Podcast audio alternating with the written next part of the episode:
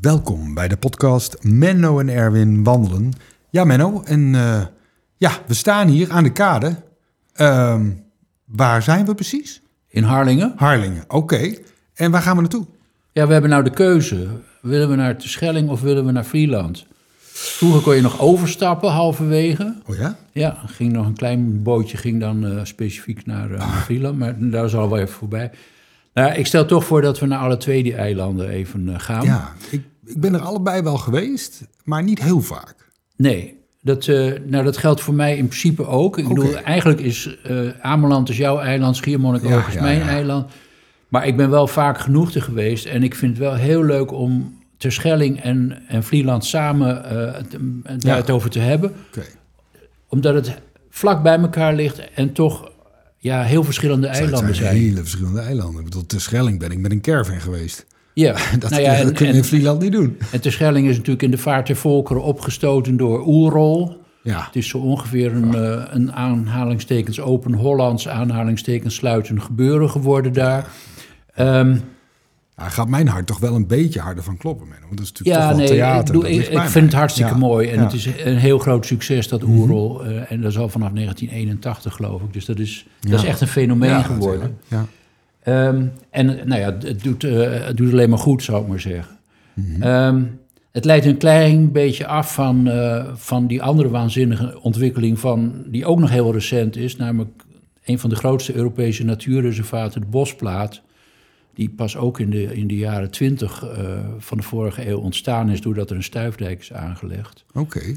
Nou, dat Waar is zit de bosplaat precies? aan, aan de oostkant. En dat is een, echt een fenomenaal gebied. Ik bedoel, dat is hartstikke groot, hè? Het, eh, je moet je wel realiseren dat uh, Terschelling wel een groot, eh, Ja, het is een groot eiland. een heel groot eiland eh, is. Ja. Maar ja, die, die, die bosplaat, die, die, dat is haast 50 vierkante kilometer. Moet je je voorstellen, een Hm. Ja. natuurgebied van 50 vierkante kilometer. Dat vind je niet zo vaak in Nederland. Nee. Eh, en eh, ja, het is, daar, nou, het is echt een fors deel van, eh, van Terschelling. En er is natuurlijk toch nog veel meer dan de bosplaat. Ja. Nou, als je dat nou vergelijkt met Vlieland, dat is natuurlijk een heel klein eilandje. Eén dorp.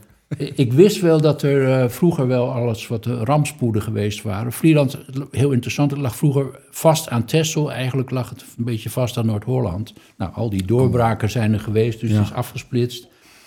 En, eh, en, en ik wist ook nog uit het historische feit... de Engelsen hebben daar heel erg huis gehouden... tijdens een van de beruchte Engelse oorlogen. En die, dat arme Terschelling is ongeveer helemaal platgebrand in, in 1666. Oké. Nou, daar hebben ze nog steeds een trauma van. En, en West-Vlieland bestaat dus ook niet meer. Nee. Eh, dat, dat is de Vliehorst geworden. Dat is een, een van de grootste zandplaten die we, Ja. die we hebben. Ehm dat is natuurlijk wel een militair oefenterrein geworden. Ja, dus je moet een beetje oppassen wanneer je daar loopt. Vind ik wel... Maar eh, het bizarre, en dat wist ik eerlijk gezegd niet... dat in 1921 heeft de Nederlandse regering nog overwogen... om Vlieland maar op te geven. Oké. Er, waren zoveel, er was zoveel afkalving. Ja. eh, en dat ze wilden het maar ontruimen. Het zou toch verdwijnen in zee, dus het had geen Ja. zin meer. Nou, dat was voor mij toch wel een, helemaal een nieuw feit. Ja. Ehm, ze zijn toen toch begonnen met een, eh, het aanleggen van stuifdijken. En er is een, een ingenieur geweest, meneer Kroon... die heeft een polder aangelegd. Vaag in het achterhoofd dat daar nog landbouw zou komen. Dat is nooit gebeurd, het was veel te zout. Dat is nu een fantastisch natuurgebied, een nat natuurgebied geworden. En die heeft ook aan weerszijden van die Kroompolder stuifdijken gelegd. Nou, daar- daarbinnen is dan een polder ontstaan. Ja, eh, heel mooi.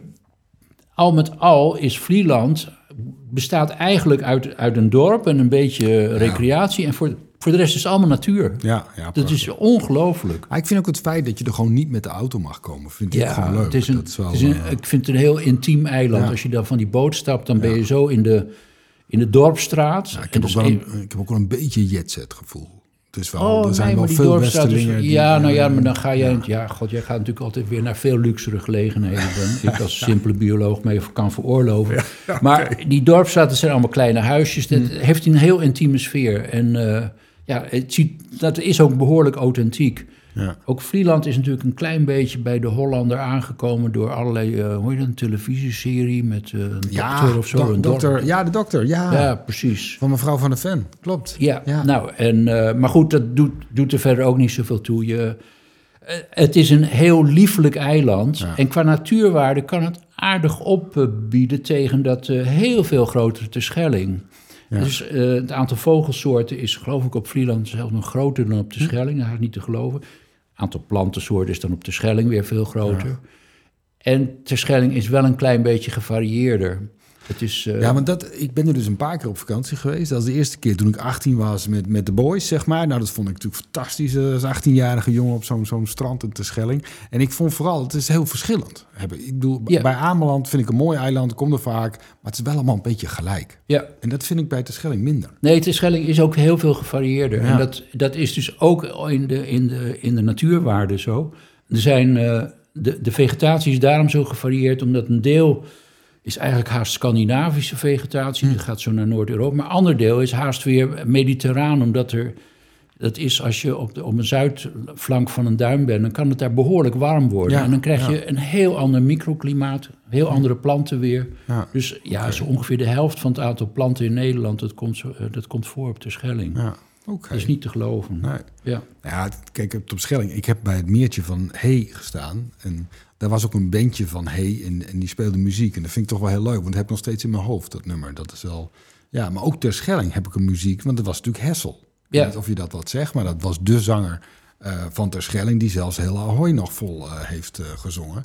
Was in mijn jeugd was dat een held, hoor. En die is er nog steeds. Ik heb zijn studio drie, vier jaar geleden nog eens mogen bekijken. Dus dat was hartstikke leuk.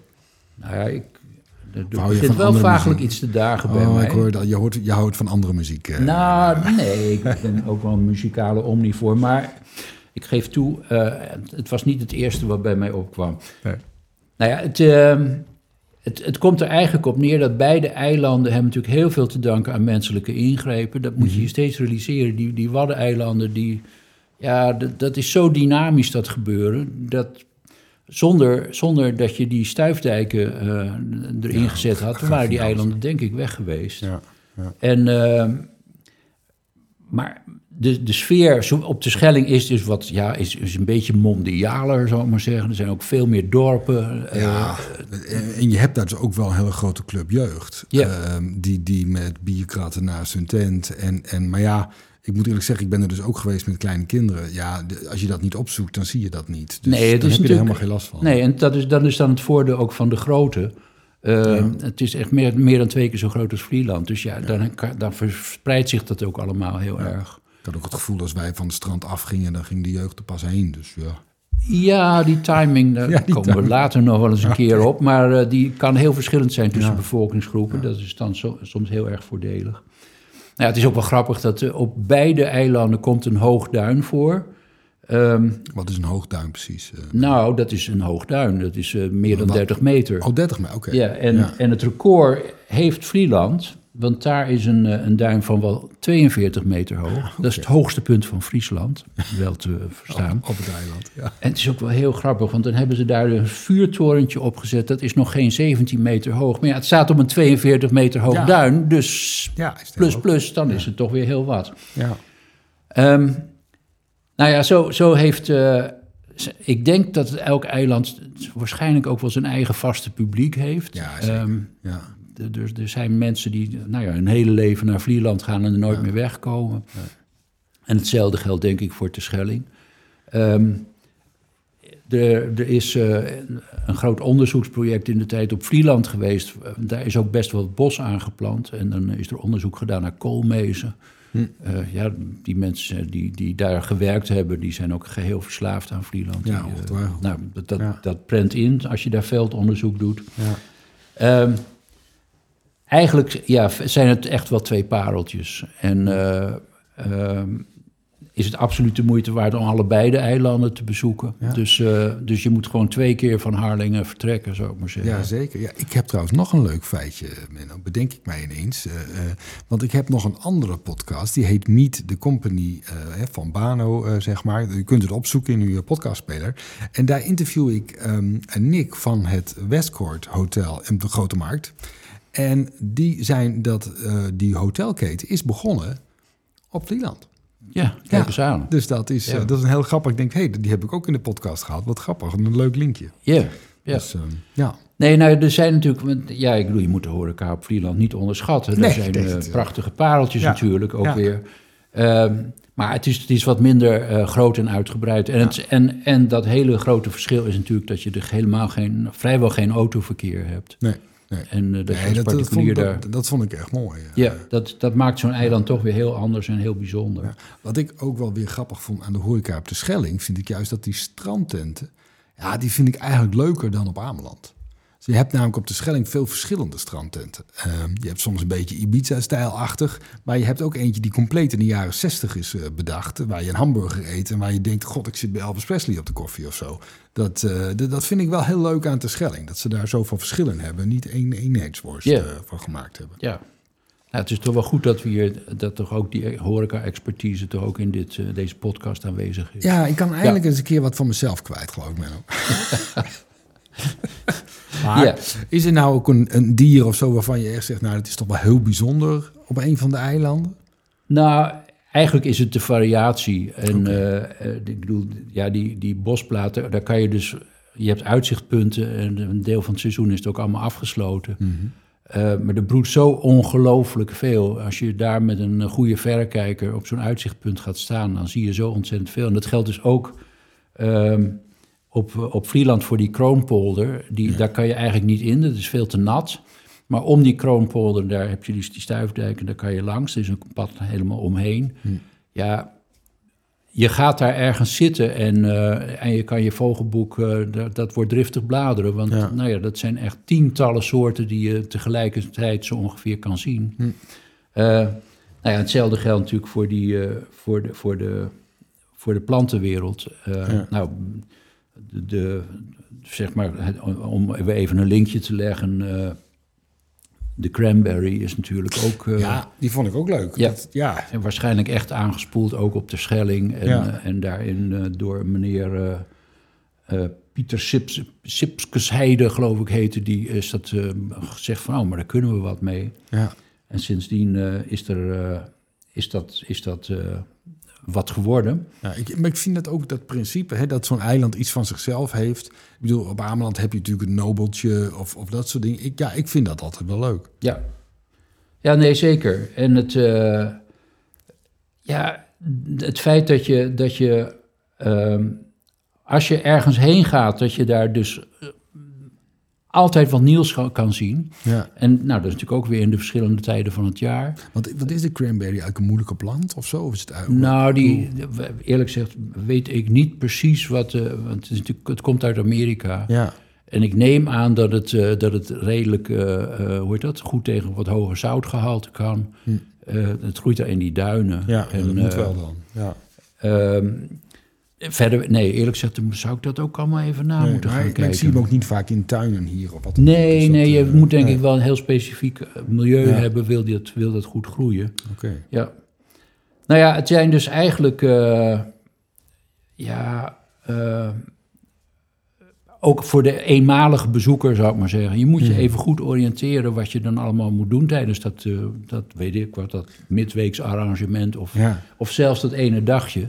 Ja. Want er is toch wel heel veel te zien. Ja, ik En, heb dus eh, in Terschelling heb ik een hartstikke leuk uitje gehad. Want daar heb ik oesters uit de Waddenzee gehaald. En, die, dat, en die hebben wij opengemaakt. En met een wit wijntje erbij, eh, achter in een auto. Echt fantastisch. en wat waren dat voor oesters? Waren dat gewone oesters of waren dat Japanse oesters? Oh, dat weet ik niet. Nou, dat is natuurlijk ook wel weer spannend. Ja. De Japanse oester is een, eh, ja, dat is zo'n exoot. Eigenlijk Hmm. moet je volgens de wet moet je die dan verwijderen.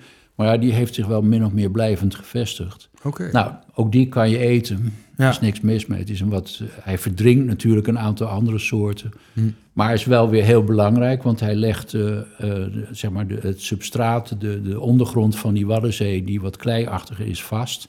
Dus het, zeg maar, het zorgt ervoor ook dat banken weer uit kunnen groeien. Dat Ja, mosselbanken daar weer van kunnen Ja. profiteren. Ja. Nou ja, dus dat, dat, ja, dat hoort bij dat hele milieu. Mhm. Nou ja, en het heeft blijkbaar dus ook weer een culinair... eh, Ja, eh, die- ik ja, vond het wel. ja, dat vond ik echt wel een leuk eh, aspectje. verhaal. Ja.